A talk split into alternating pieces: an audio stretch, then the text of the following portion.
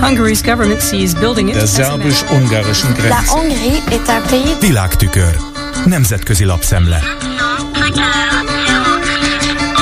Köszöntöm a hallgatókat. Elképzelhetetlen, hogy egyetlen olyan EU tagállam, mint Magyarország, vagy a jövőben esetleg Szerbia meggátolja az Európai Parlament, illetve az idővel több mint 30 ország akaratának érvényesülését, írja a liberális Bécsi Der Standard az Unió tervezett bővítése kapcsán a tagállami vétó intézményének visszaszorítása mellett érvelve. Az Európai Biztonsági és Együttműködési Szervezet, illetve az ENSZ Biztonsági Tanácsa példáján jól látható, mennyire elértéktelenedik egy olyan szervezet, amelyet egyetlen tagország megbéníthat, figyelmeztet a szerző. Szerinte a közös kül- és biztonságpolitika növekvő fontossága miatt meg kell változtatni a szabályokat, több esetben kell lehetővé tenni a többségi döntéshozatalt. A cikk kiemeli a jövőre tartandó európai parlamenti választás jelentőségét a kontinens térő kihívások, így például a terjeszkedő Kína, illetve a digitalizáció és a mesterséges intelligencia terjedésének kezelése szempontjából. Megállapítja, hogy az ukrajnai fejlemények világossá tették. Olyan szilárd unióra van szükség, amely képes megvédeni és támogatni saját tagjait.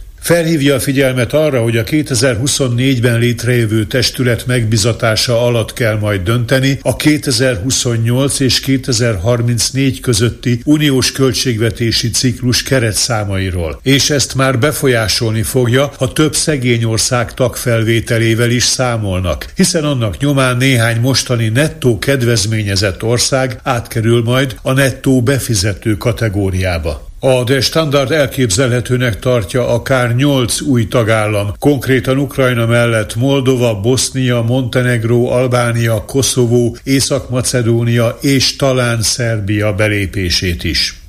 A közelgő EP választások lehetséges kimenetele az Európán belüli erőviszonyok trendek alakulása tekintetében a Bloomberg olyan helyzetképet mutat be egyik elemzésében, miszerint a szélső jobboldal előre törőben van, Európa pedig úgymond sérülékeny. A 27 tagország csak nem felében a három legnépszerűbb politikai tényező között megtalálhatók olyan pártok, amelyek korábban a paletta peremén voltak, írja az amerikai hírügynökség. A cikk mint egy illusztrációként kiemeli, hogy Lengyelországban, ahol október 15-én parlamenti választásokat tartanak, a Szabadság és Függetlenség Konföderáció elnevezésű erő, amely 2018-ban még 7% alatt teljesített, most a kommunizmus utáni időszak legszorosabbnak ígérkező választásán két számjegyű támogatói bázisra számíthat. Hard rockkal és tűzijátékkal dúsított augusztusi összejövetelükön Olsztyn városában azt hangoztatták, hogy a keményen dolgozó lengyelek megérdemlik a saját házat, kerttel, grillezéssel, két autóval és nyaralással, amit a mostani politikai vezetés nem képes nyújtani nekik.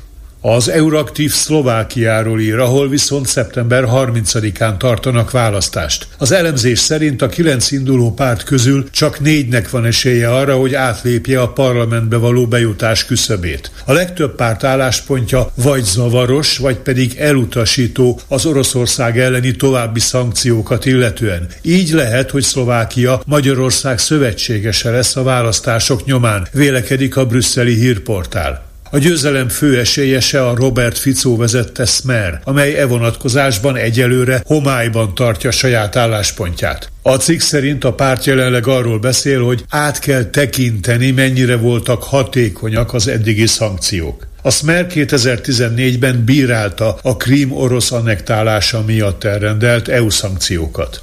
A populista jobboldal azt akarja, hogy legyen több újszülött. A kérdés az, miként lehet ezt elérni, írja a Politico amerikai portál európai kiadása az európai népesedés politikai dilemmákat elemző cikkében, a ma kezdődő budapesti demográfiai csúcsértekezlet apropóján. A szerző szerint Európában Orbán Viktor áll a népszaporulati ráta növelését célzó politikai törekvések élén, és azt állítja, hogy a magyar kormány adókedvezmények egyéb támogatások formájában a GDP 5%-át fordítja a születésszám növelését elősegítő célokra. Lengyelországban szintén számottevő összegekkel igyekeznek segíteni a gyermekáldást. A skandináv államok más modellt követnek. Ott azt támogatják, hogy a gyermekszülés ne akadályozza a nőt szakmai pályafutásának folytatásában. Ugyanakkor például a szekularizált Franciaországban sokkal kedvezőbbek a mutatók, mint a mélyen katolikus Lengyelországban. A politikó felhívja a figyelmet arra, hogy Orbán rábólintott a fehér ember kiszorításáról szóló úgynevezett népességcsere elméletre, amikor arról beszélt, hogy az alacsony népszaporulati ráta és a bevándorlás együttesen civilizációs öngyilkosságba hajszolja Európát. Ez volt ma a Nemzetközi Média Szemle Kárpáti Jánostól. Köszönöm a figyelmüket!